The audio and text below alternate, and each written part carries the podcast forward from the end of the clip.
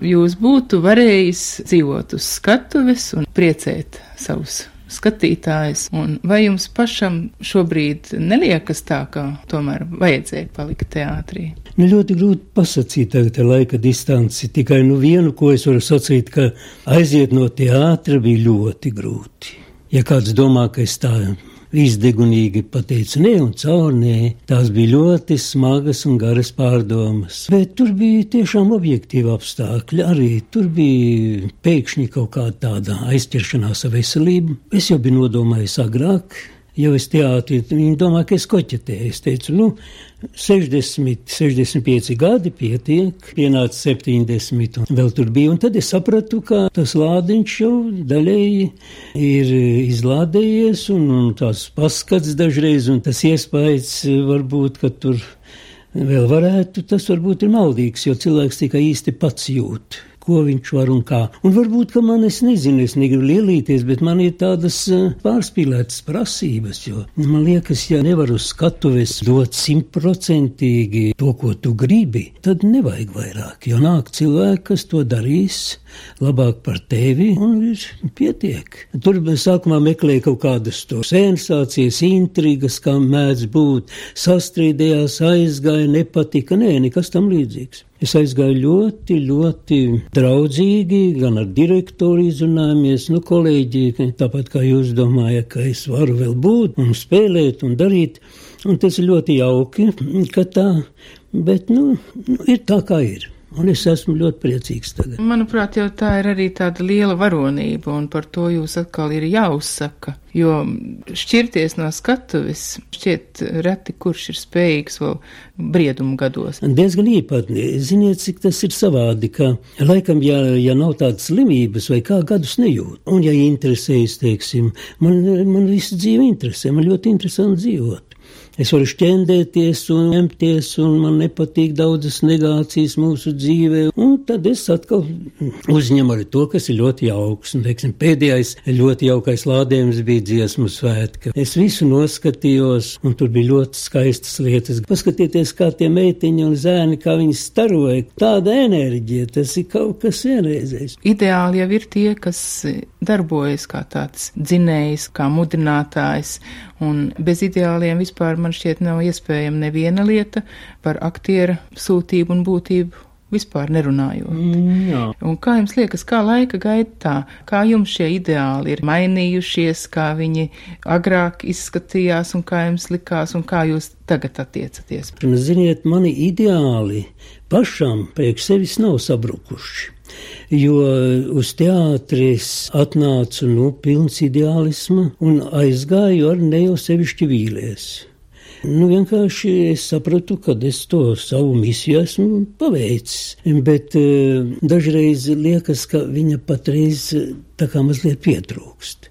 Nav īsti mērķa, nav īsti virzības, uz ko iet, bet es nevainoju tos jauniešus, nevainoju tos jaunos aktierus, taču ir pavisam cits laiks. Pavisam cits laiks, kā mūsu uzņēma, kā gaidīja pie teātra tās pašas meitenes ar ārkārtīgi tīrām jūtām un visu. Un Un tāpat ir dzēni, tur raksta, tik skaisti viņi pasaka to, ka tajā brīdī, kad meitenes vairs nesūtīs aktieriem puķis un negaidīs viņus, tad tās ir teātra beigas, nu, mazliet izkāpenē, bet tur ir liela taisnība. Es domāju, ka pašreiz tā ideālismu pietrūkst, jo dažreiz iet pa tādu vieglāko ceļu, bet varbūt, ka mēs paši vainīgi vecākā paudze. Varbūt mēs nepratām ievirzīt jauniešus, dot viņiem piemēru.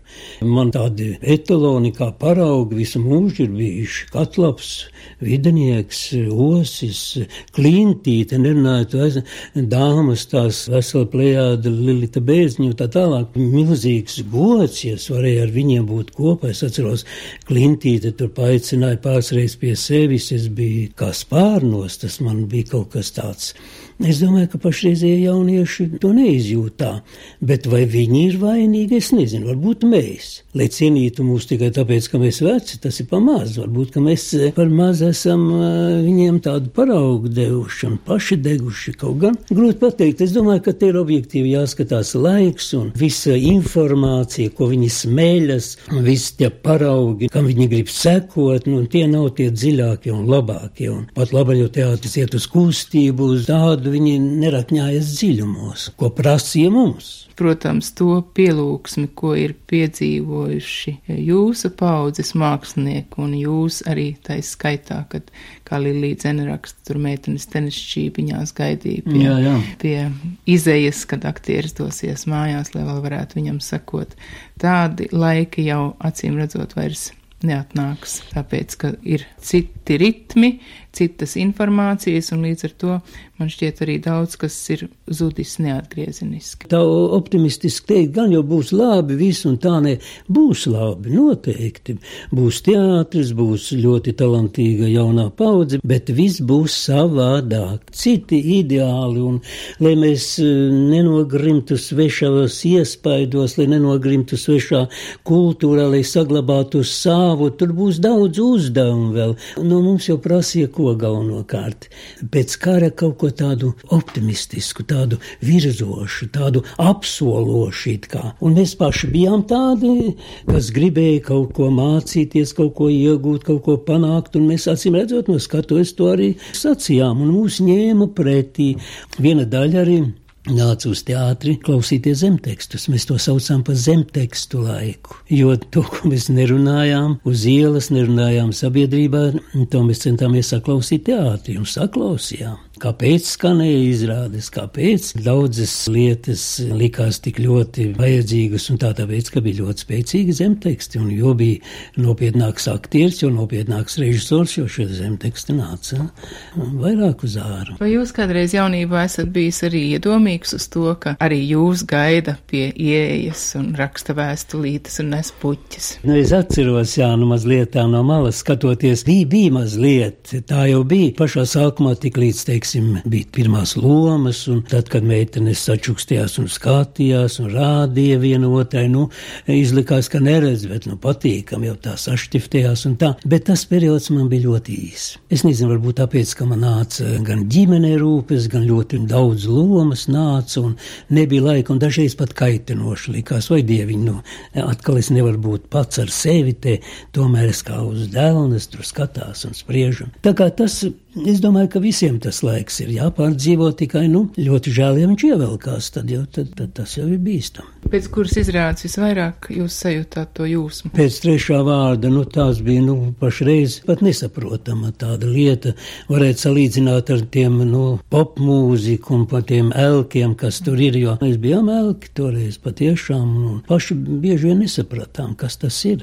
Tagad, kad tā analizēt, es, nu, saprotu, tas ir tas, par ko mēs runājam. Kaut kas laikam no tās izrādes izrādes nāca tāds tīrs, kaut kas tāds, ko cilvēki gribēja saklausīt, jo tās vērtības dzīvība, tur nāve, mīlestība. Gribējās labi, gribējās patiesi, un acīm redzot, mēs bijām trāpījuši. Laikam, ja, ja ap 300 izrādes nospēlē, kad man jau sirmi deniņi jau, jau palika tur un vairāk kostīmi tika noplēsti, jo mēs apbraukām visu mūsu republiku un spēlējām vismazākās vietiņās. Tā kā tur tā bija vislielākā jūsma, puķes, ziedi, vēstules, tā kā tā rezonance bija ļoti, ļoti spēcīga. Tu neesi spējīgs mani saprast. Ārā! Vai tu dzirdi? Ārā! Es negribu savā mājās mēslu bedri! Ārā! Nekliedz! Pašreiz tu esi daudz mazāks par mani. Tik maziņš, ka man pat kļūst tevis žēl, Pavlo, un man ir kauns tevis dēļ. Varbūt man būtu jākaunās. Jā, tu spēcīgais, skaidrais, brīvais cilvēks Kam tev tavs spēks, lai apvainotu sievieti? Kam tev tava brīvība, lai atņemtu man manējo? Un tava izdaudzinātā skaidrība? Pa pusē zvērs, pa pusē marionete. Dzīvniecisks niknums tāpat kā tur augšā, muļķīgi aizspriedumi, tāpat kā te lejā. Tu mani tādu esi pataisījusi. Jā, tev taisnība. Es tev gribēju iedot dvēseli, tik lielu kā tavs spēks. Bet es to nespēju. Tu esi manas dzīves vislielākā neveiksme. Un tomēr, ja šajās mājās būtu kāds parādnieks, tad tā nesmu es. Es neesmu nevienam neko parādā. Ja tev liekas, ka tev par maz samaksāts, ieej kantorī. Tur ar tevi norēķināsies. Es taču varu kaut ko aiznest kā zaglīga kalpone. Vai tu esi pārskaitījis ģimenes vērtslietas un sudraba karotes? Tas mani neinteresē, ko tu aiznes. Es esmu pieradis, ka visi, visi mani apzog. Nu tad pārbaudi, vai tev ir visas tavas asinis. Es aiznesīšu labāko, kas tavās mājās ir. Es aiznesīšu bērnu. Bērnu? Manu bērnu? Kādas tev tiesības saukt viņu par savējo? No tevis ir tikai instinkts, dvēseli ir no manis, bērns ir mans, es to nevienam neatdošu. Pagaidi! Ļauj man iet! Nē, es neļaušu. Neļaušu. Tu aiziesi vēlāk, viena pati. Dzīvē viss atkārtojas. Tu dosies uz turieni pie savām marionetēm, bet mans bērns būs kopā ar mani tur, augšā kalnos. Nē! Bērns ir mans, es to nevienam nedošu. Tas būs viss skaistākais, kas man jebkad dzīvē ir bijis. Vislabākais no tevis un vislabākais no manis. Ne zvērs, ne marionete. Cilvēks, vai tu dzirdi? Es būšu māte cilvēka. Marga, kas tev notika? Es neapjēdzu, ko runāju. Paskaties, Marga, uz mani. Nu, paskaties uz mani. Nu, nicini, nicini, bet paskaties. Apvaino mani, bet pasaki kaut ko, Marga! Marga, Marga! Viņa, viņa neskatās, viņa, viņa nekustās. Tāds augstums ieplūdis telpā. Nē! Nē, tikai ne nāve, nē! Es atdošu savu dzīvību, vai arī mirsim kopā, tikai neatstāj mani vienu. Es, es nekad vairs nespēšu būt viens. Marga! Pavlo, mīļais. Marga, es esmu pie tevis. Es visu mūžu būšu pie tevis. Neatstāj man, es nevaru, tas līdzinās nāvei. Nebīsties, nāvei nebūs drosmes, jo tev ir dzīvība. Ar mums ir dzīvība, Marga, un ar mums ir tas trešais vārds. To nekad man tu neesi teikusi. Mīlestība, mīlestība, mīlestība. Jā. Pablo, tā ir tikai viena no daudzām, daudzām ļoti spožām lomām. Bet ar bezskaunīgiem večiem arī bija gluži tāda pati situācija, ka skatītāji negribēja un negribēja šķirties no, no šīs izrādes, kur jūsu veču nu, trijotne burvīgi darbojas. Bijām, es domāju, pieprasīt. Tas nebija atkarīgs ne no manis, ne no Sebra, ne no vi.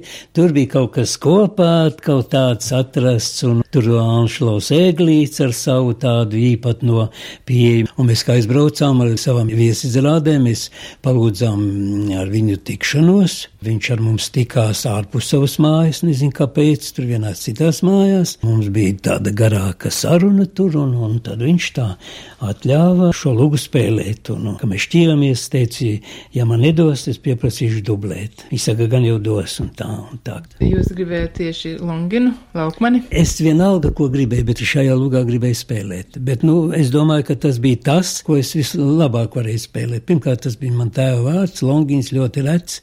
Man tēvam arī vārds Longins, un, un es ļoti to lomu ļoti sajūtu kaut kā. Un, un vispār visu to atmosfēru, un pēc Amerikas brauciena, izrunājoties ar tik daudziem tur Amerikas latviešiem, man viņi kaut kā bija tuvu. Es jūtu, jūtu, ko viņi domā, kā tas tur viss pie viņiem notiek. Tā kā redziet, to lomu ir daudz mīļu, un ir par ko domāt, un ko atcerēties. Longins Laukmanis tāds dzīves baudītājs nu, tāds šarmants kungs. Jā. Bet vai jūs sevi arī varat pieskaitīt nu, kaut daļēji pie dzīves baudītājiem, un ko jūs baudāt labprāt dzīvē?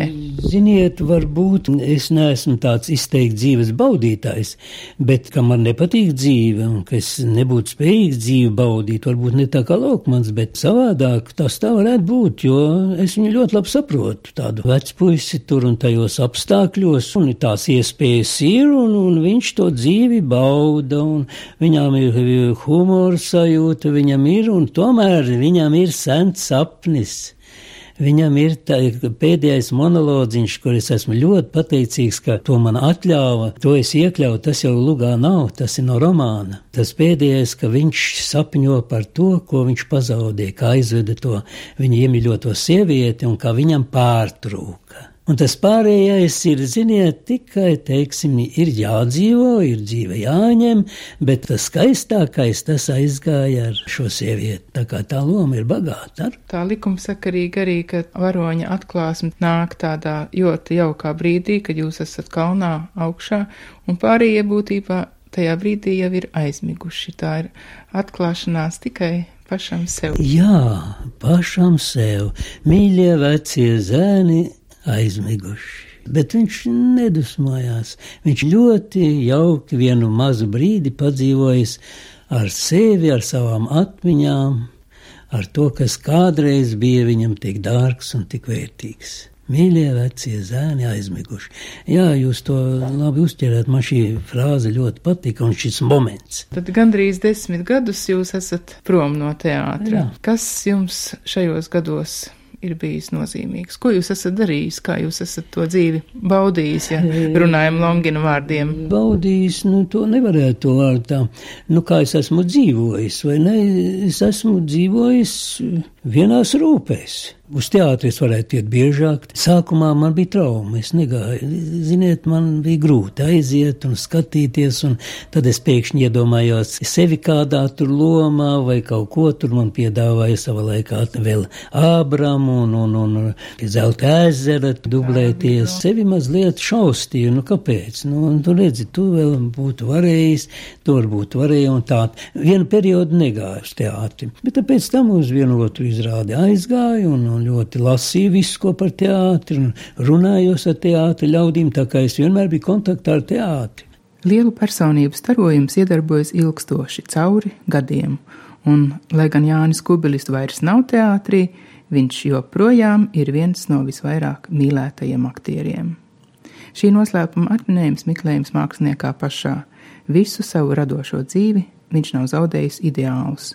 Tie gadu gaitā varbūt mainījušies līdz laikam un paša izaugsmē, bet pozitīvais lādiņš bagātīgi plūdis arī caur daudzajiem, daudzajiem skatuves tēliem, lai cik paradoxāli pat no tiem ar negatīvo iekrāsu, kāds, piemēram, bija Fičūrs Ferenca Molnāra ārpilsētas leģendā Lilioms. Kas sēždiena bez kuķa, kas iela ir bez kruķa, kas iela ir bez kruķa.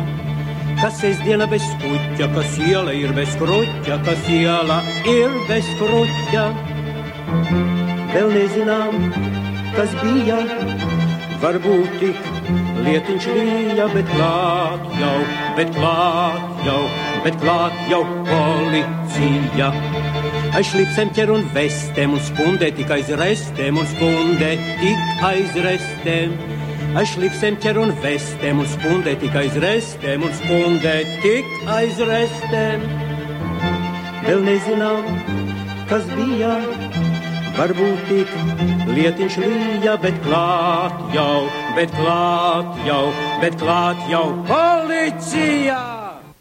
Kad radošo virsotņu ir daudz, tās grūti sagrupēt, sakārtot kādā secībā kura lielāka veiksme, kurš mīļāks tēls, kurā iestudējumā ideālāka saskaņa ar režisoru vai partneriem. Mūsu sarunas pavadienas turpina vīties ap izrādēm, tēliem un cilvēkiem. Vai jūs arī kādu lomu apciemo domās, sapņos šeit Baltasarā vasaru dzīvojot, jums daudz laika? Nāk kāda loma ciemos? Pārmaiņas pēc nāk visas pamazām. Nu, ne visas e, katrā ziņā, jo aktieri jau ne viņš pats, ne arī skatītājs viņu atcerēs pēc simt lomām, atcerēsies pēc desmit, pēc piecpadsmit augstākais. Nu, un tās tur nāk, nāk, nāk Krustiņš, nāk Mocards, nāk tas pats Pablo, nāk tēvocis Vāņa, un bieži nāk Hamilkārs sakarā ar, ar antru, tur ar antras grāmatu un daudzām intervijām, un cilvēkos kaut kur arī palicis arī tas Hamilkārs kaut kā atmiņā. No acīm redzot, kaut kas tur arī bija uzķerts. Jūs jau otro reizi pieminat antru. Divspēle ar antru, man liekas, tā ir kaut kas unikāls, kas ir mūsu teātra vēsturē Jānis Kupilis antra lietaskalniņa. Mēs viens otram uz skatuves bijām ļoti vajadzīgi. Vismaz, ja viņa nemeloja, tad viņa tā sacīja, un es arī sajūtu. Jo dzīvē ļoti īpatni. Mēs bijām draudzīgi un skrējām katrs pa savām darīšanām, tā, bet uz skatuves, kā mēs viens otru ieraudzījām, tā. Tā tas bija ļoti, man bija ļoti jaukas partneris, Amārīte, es tik daudz spēlēju un brīnišķīga viņa ir, bet ar partneri ir tādas lietas, ko nevar izskaidrot, un ar Antru tas bija. Un sevišķi Hamilkārā laikam tas bija. Un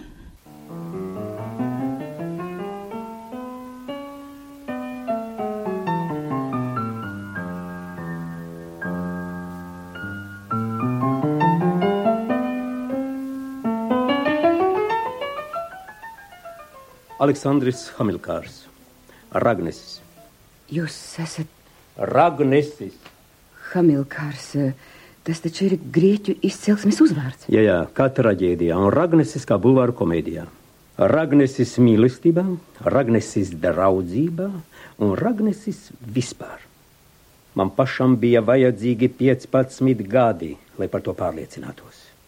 Manas dzīves sieviete atkārtojās 27 eksemplāros, plus 6 dučus tuvu draudziņu. Un katrai no viņām pa visām ādas porām sūcās ārā bezgalīga uzticība. Līdz tam brīdim, kamēr. Jā, šī blāvā gaisma, ko izstaro zvaigznes. 15 gadu es ikdienas esmu pircis savu devu jūtu tāpat kā laikrakstus un maizi. Tikai ar to lielo atšķirību, ka laikraksta un maizes ziņā es allaž sapratu, ka es to spērku. Ir jāzina, ka tu pērc. Tas ir galvenais. Neviens, nevienam nav nekā parādā. Viss tiek samaksāts. Tas ir spēles noteikums. Galvenais - netikt piekrāptam. Citādi no tā var izlaist garu. Tīra alga - desmit tūkstoši, ar darba līguma noslēgšanu pēc pienācīgas formas. Līguma? Darba līguma. Jā, jā, es ļoti labi dzirdu. Darba līguma? Ko tad jūs esat nodomājis noīrēt? Es gribu īrēt tieši to, ko dzīve man ar nekaunīgu stūrgalvību liedz. Šo sirds un prāta sadarību, uz ko drīkst pretendēt ik viens normāls cilvēks. Sievas mīlestību, bērnu pieķeršanos, un kāda veca zēna Leona draudzību. Ar vārdu sakot, darba spējīgu ģimenes komplektu. E, pagaidiet, pagaidiet. Jūs gribat teikt? Jā, jā, jā.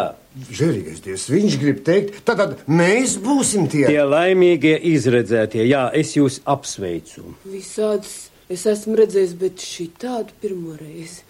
Tas viss ir joks, vai ne? Ne vairāk un ne mazāk kā visas citas nopietnās lietas. Tas ir trakot smieklīgi, vai ne? Tātad jūs nopietni cerat, ka mēs. Es ne uz ko neceru, es maksāju. Kā gada tirgu. Kā visur! Jā, Hamilkāra kunga vēlme būt laimīgam un kaut kripatniņa laimes nopirkt. Tur jau laikam tā izrādes burvība arī ir, ka modina saprašanu un apziņu, ka nevar par naudu nopirkt. Var nopirkt kaut kādas ērtības, var nopirkt māju, mašīnu, var nu labi paēst, viss, bet nopirkt laimi garīgo tādu bagātību, nu, nu, nu noteikti nevar. Jo skatoties visapkārt tagad, es redzu ļoti daudz bagātus un ļoti nelaimīgus cilvēkus. Naudas vergi kaut kā, viņi saplosīti ir tādi, lielīties viņiem apnīk un, un, un kaut kur izrādīties ar, un tās prasības ir, es domāju, visā vismā diezgan nabadzīgas vienai daļai, tā kā es nedomāju, ka viņi laimi ir nopirkuši. Es viņus neapskaužu. Kāpēc jūs Hamilkāra kungs nespēja noticēt laimes iespējamībai. Viņš jūtu patiesīgumam, nespēja noticēt līdz galam, jo viņam pat ir tāds teksts mīļumiņi, 20 gadi laimīgas laulības dzīves, kas šo brīnumu mums piedos. Jūs saprotiet, viņš netic, ka var būt divi cilvēki 20 gadus kopā un būt laimīgi. Lūk, šī neticība tā viņu salauza, jo viņš līdz galam neticēja. Arī patiesi Eleonoras patiesās jūtas viņš nenoticēja. Viņš visu gribēja pirkt, visu pirkt, un viņš jūta, ka viņam dod pavelti. To viņš nesaprot, kā nāk pavēlti, jo viņš visu pērk, un viņš līdz galam lūk šo nenoticēja, un tur tā traģēdija. Tāpēc tur viņam ir jāiziet, jo viņam sabruka tā spēle, tā jau ir spēle, ko viņš izdomāja. Sabruka tā, jo spēle pārvērtās par dzīvi, un te nu viņam ir jākapitulē. Es nezinu, Aleksandra, es nezinu, vai pastāv tāda instrukcija neticīgajiem, kā pazīt patiesību. Viss, ko es varu pateikt, ir tas, ka, ja kāds neprot izlasīt acu skatienā, saklausīt, kas slēpjas aiz vārda, vai sajust īsto žesta siltumu, tad tāds cilvēks ir tikpat beigts, kā viņš jau būtu miris. Varbūt Es jau esmu mīlis. Nu, tad ej pie vēlna. Un lai mīlestība ir pie vēlna, ja tā nav spējīga izdarīt tā, lai tie, kas mīlestību meklē, beidzot to pazītu. Saki man, ka tu mani mīli. Saki man, ka tu man tici. Rīkojies tā, it kā es tev ticētu. Es tevi mīlu. Sarunā jau daudzkārt pieminēta Antra Lietskalniņa un režisors Mihails Kublīnskis, ar kuriem Jānim Kubilim bijusi apusēji auglīga sadarbība. Skaņu lenta fiksējusi arī Antras Lietskalniņas un Mihaila Kublīnska attieksmi pret Jāni Kubili. Viņš ir viens no maniem dārgākajiem aktieriem, un varbūt galvenais, ko es gribētu šodien teikt, ka vismaz es uzskatu, ka Jānis Kubilis ir mani veidojis kā režisoru prasījis man pašam veidoties. Jo šis ceļš, ko viņš ir nogājis no jauna, pievilcīga meiteņu, aplidota melniem spodriem, lokainiem matiem mīlētāja līdz gandrīz ar ideāliem dotumiem apveltītu cilvēku un mākslinieku. Ļoti daudzus gadus viņš man ir ticējis. Un tas arī viens paldies, ko varbūt tagad rādio starpniecības viņu var pateikt ka viņš man lika pierādīt, ka es tomēr esmu. Paldies Kubilim par to. Kādas viņam kā aktierim īpašības piemīt, te arī būs grūti pateikt. Intelektuāls, jā, bet tas vēl nav viss. Emocionāls, daudz epitete ir. Līdzeni kādreiz savā grāmatā par Jāņu Kubili rakstīja, tas ir diezgan tuvu, gudras sirds aktieris. Man liekas, ka grūti ir pateikt, vai prāts viņam iet caur sirdi, jeb sirds iet caur prātu. Kubils vienlīdz interesants ir uz skatuves, un arī kā sarunu biedrs. Ne katrs spēja ielaisties ar kubili sarunās. Ne katrs, bet tas, ko ar viņu runā, tas ir vienalga par kādām dzīves sfērām. Tas katrā ziņā ir ļoti būtiski. Man ar viņu ir nācies spēlēt ārkārtīgi skaistas lomas. Bet es gribu uzsvērt vienu tādu īpašību, ar kuru es saskāros viņu strādājot pie trešā vārda, un kāda ir ļoti reta cilvēkiem un sevišķi māksliniekiem. Tas notika trešā vārda mēģinājums, kad Kāris Pamša rādīja vienu mēģinājumu Antmanim Briedītim. Un es biju tāda jauna aktrise, un es pirmā ceļa vidū kaut kur es tik ārkārtīgi uztraucos, ka es pilnīgi līmu. Un Jancis caur savu lomu mēģinājumu laikā vienā brīdī mani burtiski fiziski sakratīja, bet tas nebija tikai fiziskais spēks, tas bija viņa garīgā iedarbi uz mani, lai es saņemos. Jo beig beigās, nu kas tur tāda jauna aktrisīte, viņš tāpat nospēlēt, kas viņam tur no viņa plūda tāda strāva, kad es atmodos. Es būtu paģībusi tajā brīdī. Tāda jūtība viņam bija, vai ne, ka viņš saprata, kas ar mani notiek. Vai Jānī Kubilī, lūk, šī sāncensība kā tāda ir vērojama? Man liekas, ka Hedas Gabler vienā no pēdējiem mēģinājumiem mēs aizkarām tādu man joprojām vēl interesantu jautājumu, ko te nu pat aizskārām. Un tādā gandrīz pusteikumā Kubils man pateica, tu zini, Miķel, kas ir svarīgi? Ir svarīgi, lai partneris ir ļoti labs. Galvenā rūpe man ir, lai partneris labi veido savu lomu, tad es arī varēšu būt labs. Ko es viens varu nospēlēt? Kad to viņš ir sapratis, es domāju, diezgan sen. Jo mēs jau ļoti daudz gadus desmitu zinām brīnišķīgus duetus, jau pat sākot no baļķības laika.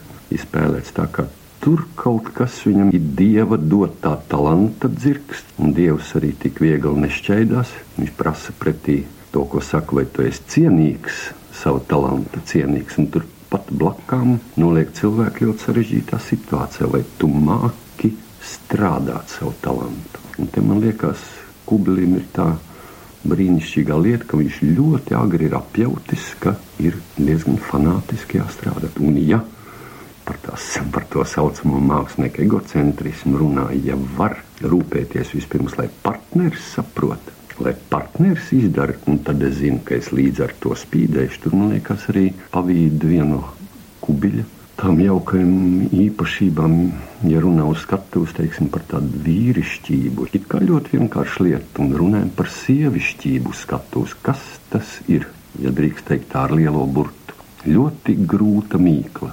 Ne katra sieviete tomēr ir sievišķīga. Kas tas ir vēl par dotumu, kādam īpašam jābūt, lai es varu būt tas vīrišķīgais skatuves, un kubilim šis ir sadzīvē džentlmenis. Jā, tā ir pirmā īpašība. Nepārprotami, vārdu. Neviltots, patiess, izkopts, dabisks džentlmenis. Un man liekas, ka tur šīs cilvēciskās un mākslinieka sadarbības sastrādāšana ir tik cieši savīta, ka man liekas, ka Kubils pat nevar atšķirt teiksim, sevi cilvēku no mākslinieka. Kubils izveidoja sevi ļoti pievilcīgu, gudru, daudz plākšņainu humoru. Viņš nav humora aktieris, ja, bet viņam piemīt brīnišķīgs humors. Un tur varbūt tāda špice, man liekas, bija jaunšana Liljuma Fičūrs. Et, trešais pantiņš. Ko dari Jāninger Hermīnes ielā? Piesargies, Jāninger, piesargies. Ko dari Jāninger Hermīnes ielā? Piesargies, Jāninger, piesargies. Ja dzelžainas bērns tevi tvers, tava reizija asaras lies. Ja dzelžainais bērns tevi tvers, tava reizija asaras lies. Tur jau nāk, tur jau nāk, poli policists. Klausies, nu tu iesi līdz galam pa Franču ielu. Tur būs uzbērums, iepriekš būs pārbrauktuve. Tad līdz pat ādu fabrikai nekā pat sargu būdas ne. Un tur viņš nāks? Jā, nu jau gads kā nāk viens pats, agrāk viņu ar vien kāds pavadīja. Katru sestdienu? Katru sestdienu. Un nauda, kur tā viņam ir? Ādas somā. No tās viņš maksā strādniekiem algas. Vai viņam ir daudz? Fū, 16 tūkstoši kronu. Matsmatā. Kā viņu sauc? Linsmans, viņš ir žīts. Kasieris. Kasieris. Bet, kad būšu viņam iedūris sānos, vairs nebūs kasieris. Kad zvelšu pa galvu, arī vairs nebūs kasieris. Vai viņam jāmirst? Nē, lai atdod naudu un paliek dzīvs. Bet pa lielākajai daļai viņi labāk grib mirt. Nāk, nāk. Ko dari Jāninger Hermīnes ielā?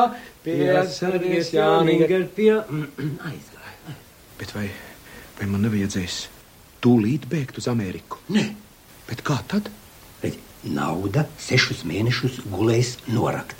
Tik ilgi. Pēc sešiem mēnešiem celsim ārā. Un tad? E, Tos sešus mēnešus tu dzīvos tāpat kā tagad. Naudu neaiztiksi. Tieši pēc sešiem mēnešiem bērns būs klāt. À, nu tad Ņemsim bērnu līdzi, bet trīs mēnešus iepriekš tu iestāsies darbā. Tālāk, lai varētu teikt, sataupīja naudu, mēs braucam uz Ameriku. Vai, vai man viņš jāuzrunā? Nu, viens uzrunās ar vārdiem, otrs ar mazo nazīti. Kas kuram tuvāk pie sirds, nu, tu jau runāsi ar vārdiem. Ko es teikšu, ko es lai viņam saku? Teiksi, labvakar, lūdzu, cik pulkstenis. Un tad? Un tad es tūlīt duršu.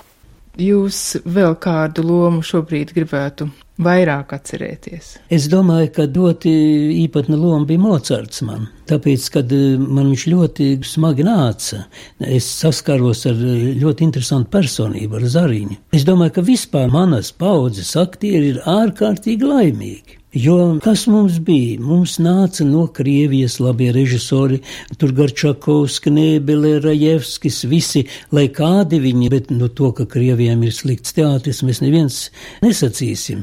Un viņi deva savu bagāžu, tad mums bija Baļūna, Briedis, Katlaps, Zariņš un vesela plejāde, taču jaunie režisori. Man bija ļoti laba saskaņa ar Kublīnski, to pašu mēs kopā strādājām Hamilkāra kungu un arī Ziedoņa Šēršķu krūmā un Hedu Gābleru man ļoti patika, un es esmu ļoti daudz viņam pateicīgs par to iejūtību.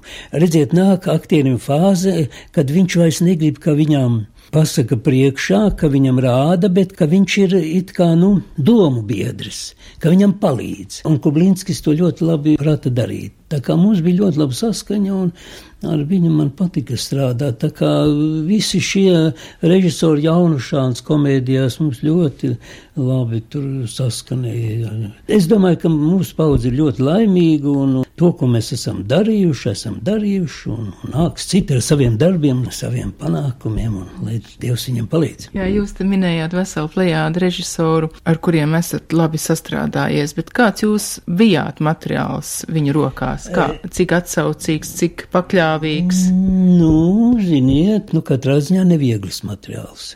Nevieglis, jo tā īpatnība ir tā, ka man jāpārliecina. Ja es esmu pārliecināts, tad es iešu līdz galam tam režisoram sekošu.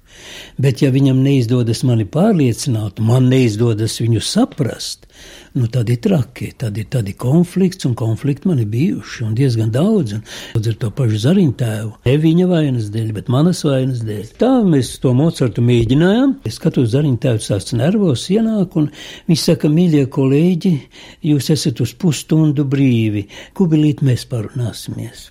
Nu, mēs sākām runāt. Nu, kubilītam nepatika tas, ka viņam aizrāda tas, ka no viņa prasa.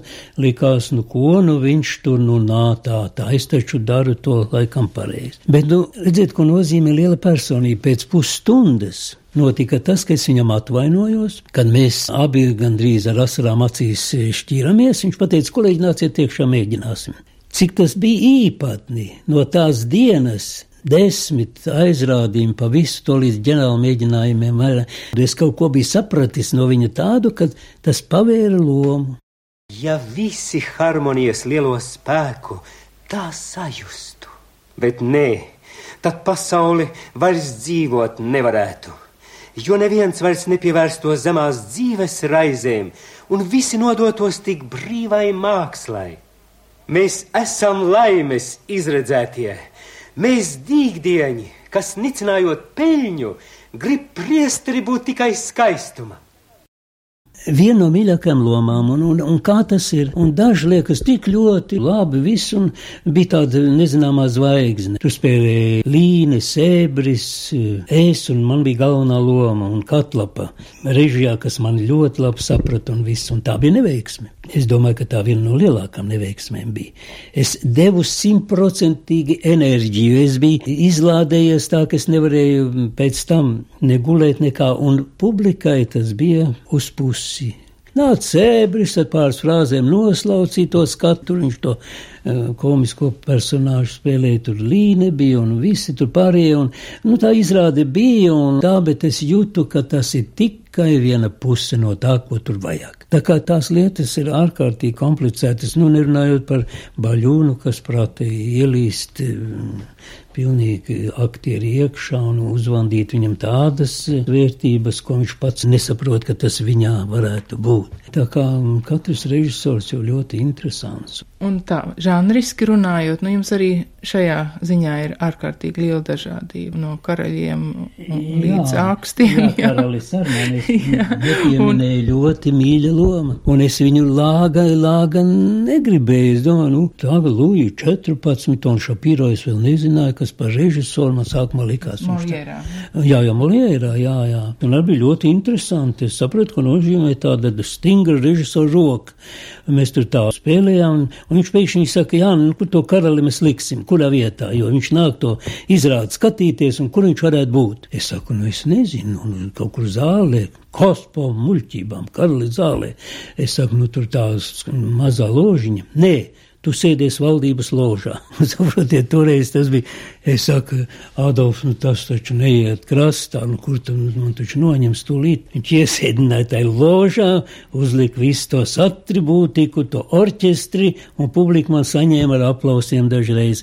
Ko nozīmē režisors, ja viņš nostāda lomu, ir ļoti viegli spēlēt. Jo grūtāks process, jo mīļāka loma. Izrādās, ka beigās tā ir, un ka jūs runājat par žanriem, jā, nu bezgala mīļš man ir Joske, tas taču ir, vai Dievu dieviņu. Abīgi viņš man ļoti tūs, tāpēc, kad bērnībā man visi tie Rūfkas, Heimetkas, Intkas, tur visi bija riņķi un, un tie Trentelbergi visi, un, un es tur vēl kā šodien redzu, man tik daudz piedzīvojumu ar viņiem ir. Un, bet ļoti mīļa tur loma ar, ar Klintīti un tā saspēle ar jaunu šādu un ar visiem, nu, nu bezgala, ar piedzīvojumu bija man tur briedīts ar, nu, tā lielīgi tas skan, bet nu es jau pārdzīvoju kādas trīs, četras zāres. Tā kā kubuļa Joska mīlēja Līnes zāri, man liekas, ka tas jā, jā, ir nu, vēsturē pirmā, nu, pirmā, jā, nu pirmā zāriņa man, nu tā ir vienmēr mīļākā.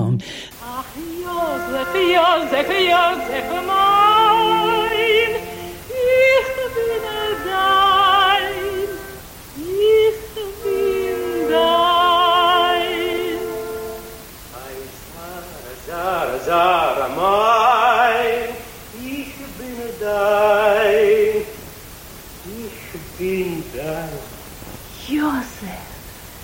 Sarah. Sarah, mein Leben. Sarah, mein Leben. Mana bukite. Mana buketite. Joske, vai tu par mani arī iedomāji? Es tukšu par tevi vien domāju, vienu mēru un tu par mani. Ah, Jos, Tu tak zini. Man Goldsticken, man Süßes, gib, gib mir noch einen Kuss. Kuss mehr. veltēja. Šodien man jāsaka, man jāsaka liels paldies par um, Taņu. Tur uh, teica, nu, ziniet, Krievu nosaukums lūga viņa neies tajā laikā, vai ne? Nu, tā kas tur, to mēs zināms, protests bija pret tām Krievu lūgām. Un mēs nospēlējām pirmo pirmizrādi un nospēlējām 50 izpārdotas izrādes, kas toreiz bija ļoti liels retums. Un, un ārkārtīgi, nu, Baļonas režijā ļoti acīm redzot, arī bija kaut kas uzķerts, un es domāju, ka tur bija vēl tas liels panākums, jo es biju ļoti jauns, tāds zaļknābis vēl tur tajā mīlētājā. Viņa bija tā, kas mani veda ļoti pareizi, precīzi tādās sievietes vīriešu attiecībās, tā kā mums ar vēl tur bija skaistas lomas, tā nav. Taņa! Taņa! Ak, tu! Kāda nekaunība! Kā šeit ielaidis suni? Jā, jā, jā, un pie tam vēl kaut kādu sētas kranci. Jau pēc balss var pazīt. Ah!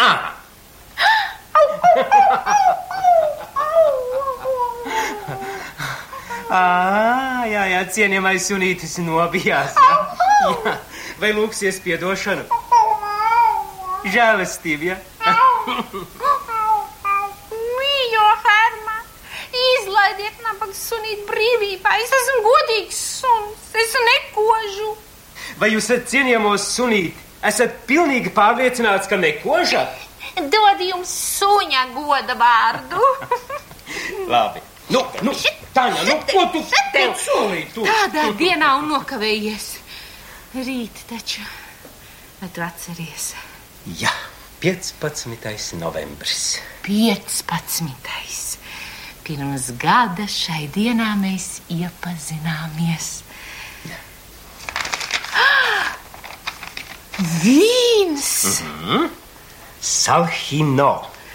Kas par nosaukumu Salhino? Tas izklausās kā ceļojums. Šodien mēs abi galīgi piedzersimies, ja? Jā. Un sitīsim traukus. O, tā tik ir ideja. Uz tavu veselību. Uz nākamo 15. novembrī. 1935. gadā. 36. Ne, 37. 38. Mīļais, tad mēs abi svinēsim piecu gadu jubileju. Interesanti, interesanti, kas ar mums būs 38. gadā. Nezinu. Es arī nezinu. Tas taču būs pēc četriem gadiem. Mēs abi būsim veci, veci. Tev būs 28, man 25. tu jau būsi slavens konstruktors. Līdiju taču vienugunīgi ļauma ļoti mīļa loma. Pēdējā novelē ar Freimanīti. Redziet, tās lomas jau apciemo. Jā, jā, un it īpaši, ja tagad es tā arī pamudinu, un beigsim sarunu, atnāks vēl arī citas, un teiks, un kāpēc mani nepieminēja. Jā, jā, jā, jā. partneris pateiks, tu tā, tur tā, un kāpēc tu un man mums bija tik ļoti skaisti, un ir ļoti daudzas, ļoti jauks partneris, ļoti jauks partneris bijušas, bet, nu, redziet, tā ir, no malas jau var, teiksim, gan kritiķi, gan publika uztais tādus, nu, pārus. Viņi tiek iemīlēti, un režisori viņiem dod, un tā viņi kaut kā iznāca to pašu Lietskalniņu. Nu, man ļoti patīk, un man bija milzīgs gandarījums, ka Maskavā mums nosauca viens tāds ievērams kritiķis par uh, zelta pāri. Nu, tas tā viņi nemētājas ar tādiem, tā kā viņam ar tas pats Hamilkārs noskatījās, tā kā viņam bija paticis. Un laikam viņi to mūsu savstarpējo strāvojumu bija sajutuši. Tie ir tie laimīgie brīži teātrī, kas nāk netik bieži, bet viņi ir dārgi, un laikam to, to brīžu dēļ arī aktieris savu dzīvi atdod uz skatuves, jo nu, materiāli jau nu, tas nevienam neatmaksājas. Dabīgi tur ir tā visa enerģija aiziet. Tā, bet te gandarījumi arī ir, ja tu stāvi skatuves un tu jūti, ka zāle ir izpārdota, tā ir tiešām bauda. Un kad ir aplausi, kā bija trešā vārdā, nu, tāpat Hamilkārā visur, nu, ko aktierim no aplausi, nu, patīk aplausi, nu, es būtu ļoti nepatiesies teikt, ka man nav viena alga, es nospēlēju, ne, man patīk, es jūtu, kā aplaudē, kā klausās. Tam jau ir milzīga nozīme. Tagad jūs vadāt vasaru Baltezerā. Kas jums ir Baltezers vispār jūsu dzīvē? Baltezers ir man enerģijas uzkrāšanas avots, relaksācijas vieta, ļoti nu, jauka atpūtas vieta, pasakaņas stūrīts pie sudraba ezera. Viņu sauc nevis Bamba, bet sudraba ezers. Man tie, kas te dzīvo pie viņa, viņi savā laikā, kad teica Baltezers, kāds Baltezers, tas ir sudraba ezers, izēj no rīta un apskaties, kāds viņš izskatās. Un te tiešām, ka paiet te krastā un paskatās, un ka saulīte lec, te viņš liekas, ka vesela baļva ar sudrabu dabu viļņojas. Tā viņš ir ļoti īpatni tāds. Pie tā sudraba ezera ļoti jauka, un es esmu pateicīgs Dievam un apstākļiem, ka es te varu vadīt savus, teiksim, jau zolīdos gadus un rakņāties un darīties. Te Baltazarā šobrīd ir jauki zied puķis, zaļš mauriņš, un man liekas, ka apziņa arī noteikti ir svarīga, ka tas ir jūsu pašu veidots, jūsu pašu pa gabaliņam, pa kriksītim, pa dobītei. Ļoti pareizi, tam ir milzīga nozīme, vai es ienāku iekoptā sarūpētā un nometu žūksni un nopērku, vai es to visu pa mazam kriksītam esmu sagādājis, te tiešām ir viss sagādāts. Tas viss, nu, nekas te izcils nav, vienkārši tāda maza būdiņa tur, bet tas jums pateikšu katru ķieģelīt, katru dēlīt, kur ir pirkts, tas man ir ļoti svarīgs. Tad viens galds brūkot, remontē, bet tā ir dzīve, tas man ļoti patīk. Mauriņu es pļauju pats dzīvžogu, cerpu pats, un tur tomātu tomāti aug un viss, un vai tas man ir vajadzīgs, nezinu, viņi vairāk es tur kopju nekā izaug, bet, nu, tā darbošanās man, man ļoti patīk, jo es tomēr nāku no jaunsudrabiņa zemes, un tā, nu, tā tas Baltizers ir tā, tā, tā mīļākā vieta. Nu, es tiešām gribētu, lai jūs pastāstāt, kā te tā māja ir tapusi. Jā, nu, tā māja tapusi ir tā ļoti interesanti, jo es sākumā nedomāju, ka viņi man būs, bet te bija jau dabūjuši to zemes gabaliņus Frēmane, Rīne un Pauls, un vienā jaukā dienā Lidija man saka, izbraukumā mēs tur braucām mašīnā, viņa saka, jā, nu vai tu negribi uh, vasarnīcu būvēt? Nu, es to uzskatīju kā humoru, tomēr līdzekļi vajadzīgi, es saku, nē, Lidija, nu kur tad es, nu padomā, tev iespēja ir, jo viens ceturtais tur tāds gabaliņš ir četriem. Nu, es atbraucu mājās, nu, mans sievas tēvs, vecais Daugavietis, sēdēja pie galda, un es tā vakariņu laikā saku, nu, papu, tāda lieta, mums piesola vasarnīcu. Viņa saka, kā, kur piesola, es saku, Baltazerā. Nu, un tu, es saku, es atteicu. Kā tu atteici? Zvani, noteikti tu ņēmu, es saku, bet ko mēs tur darīsim? Man ir koki, un es esmu, nu, viņš meistars, ļoti labs galdnieku meistars ir, un, un kā redziet, te ir Te ir daudz, kas e, viņam padarīts, un es viņam esmu ļoti, ļoti, ļoti pateicību lielu parādā, ka es te esmu, un arī saviem kaimiņiem, ar kuriem mēs joprojām ļoti jauki sadzīvojam. Ar Raimondu Paulu mēs ļoti bieži tiekamies, piedzeram kafiju un pārspriežam dzīvi un ļoti labi sadzīvojam. Un arī Lidijas bērni, te tā tradīcija bija ar Lidiju, un tā mēs turpinām to visu. Un tā kā kaimiņi, kaimiņi viena ļoti laba lieta ir, kā es to dziesmu te klausījos. Vai tu zini, kas ir klusums? Kaimiņiem nelamājas, ir tādi vārdi. Te nelamājas neviens, un mums iet ļoti jauki. Nu, es nezinu. Jūs saprotiet, tas skaistums nav tikai fiziskais skaistums, jo cik interesanti aktierim viņš uznāk ļoti skaists, pēc desmit minūtēm mēs gaidām, viņš aizies, nāks nākošais. Un uznāk tāds ne šis, ne tas, bet ieskatieties viņa skaistajās acīs, viņa intonācijā, un jūs viņu negribat laist projām. Varbūt es nodaru pāri pašais tikai tā fantazija, filozofija, kāpēc viņu varbūt nav tik daudz to skaistuļu, ko mēs tā iemīlam. Bet varbūt arī lūgas iestudēni, tā mazliet pavirši uz lēto eh, publikas gaumi spēlējot. Es domāju, ka tā arī tā lieta, jo mēs jau pat labāk nodaram ļoti daudz teātrim pāri. Kas tad notiks pēc dažiem gadiem? Kas notiks? Kā mēs dabūsim šos cilvēkus teātrī? Ja viņi pieraduši no žurkām nākt uz pilna gulta ārzemnieku, un kas tur vairs tādas nopietnas. Kad varētu būt tā reize, kad arī Jānis Kubelis kāps uz skatuves? Nē, tā būtu reize, kad teātrim būs jubileja, kad rādīs, cik lieli veči jau ir, un tad viens no večiem arī Kubelis uznāks uz skatuves, bet eh, citādā ziņā es domāju, nē, jo Tā ir pa daudz smaga lieta. Tas tā nevar tā nomest septiņiem, astoņiem gadiem un iet un spēlēt. Un tad ir ar dubultspēku jāspēlē, un kur tad to spēku ņems? Bet nu, tas ir norauts, un es domāju, pareizā vietā un laikā, un, un brīvības sajūta pašam, un, un var pārdomāt, un nelikt citiem vilties, kad pēkšņi uznāk uz skatuves kāds un divi sarunājas, nu, zinu, viņš varēja nenākt vairāk. Nu, tas ir aktierim šausmīgi. Un nāk jaunā paudze ar jaunām prasībām, ar citu temperamentu un visu, un, un ja tur tādi veci aktieri un nespēja dot to, ko vajadzētu, nu tad, tad ir jāiet projām. Jā, es gribēju, varēja vēl būt un būt uz skatuves, bet, nu, tā ir jūsu izvēle, un jādomā, ka jūs šajos gados esat ticis pāri šķiršanās robežai no teātra, un ka šobrīd jūs tiešām varat veldzēties pelnītā atpūtā un skaistā dabā un, un labos cilvēkos apkārt. Jā, nu, man jāsaka tā, kā Anšlovs Eglīts saka, esi pateicīgs par katru dienu, ko tu dzīvo. Tagad ir tāds periods, un e, man ir ļoti laba sajūta, tāpēc, ka man nav kaut kāda, nu, melnā šlepe, tur intrigas, mani izmeta, es aizgāju sapūties, mani aizvainoja. Nē, es aizgāju tad, kad es gribēju, un kad es sapratu, ka man ir jāiet pats sevī, to citi varbūt nē.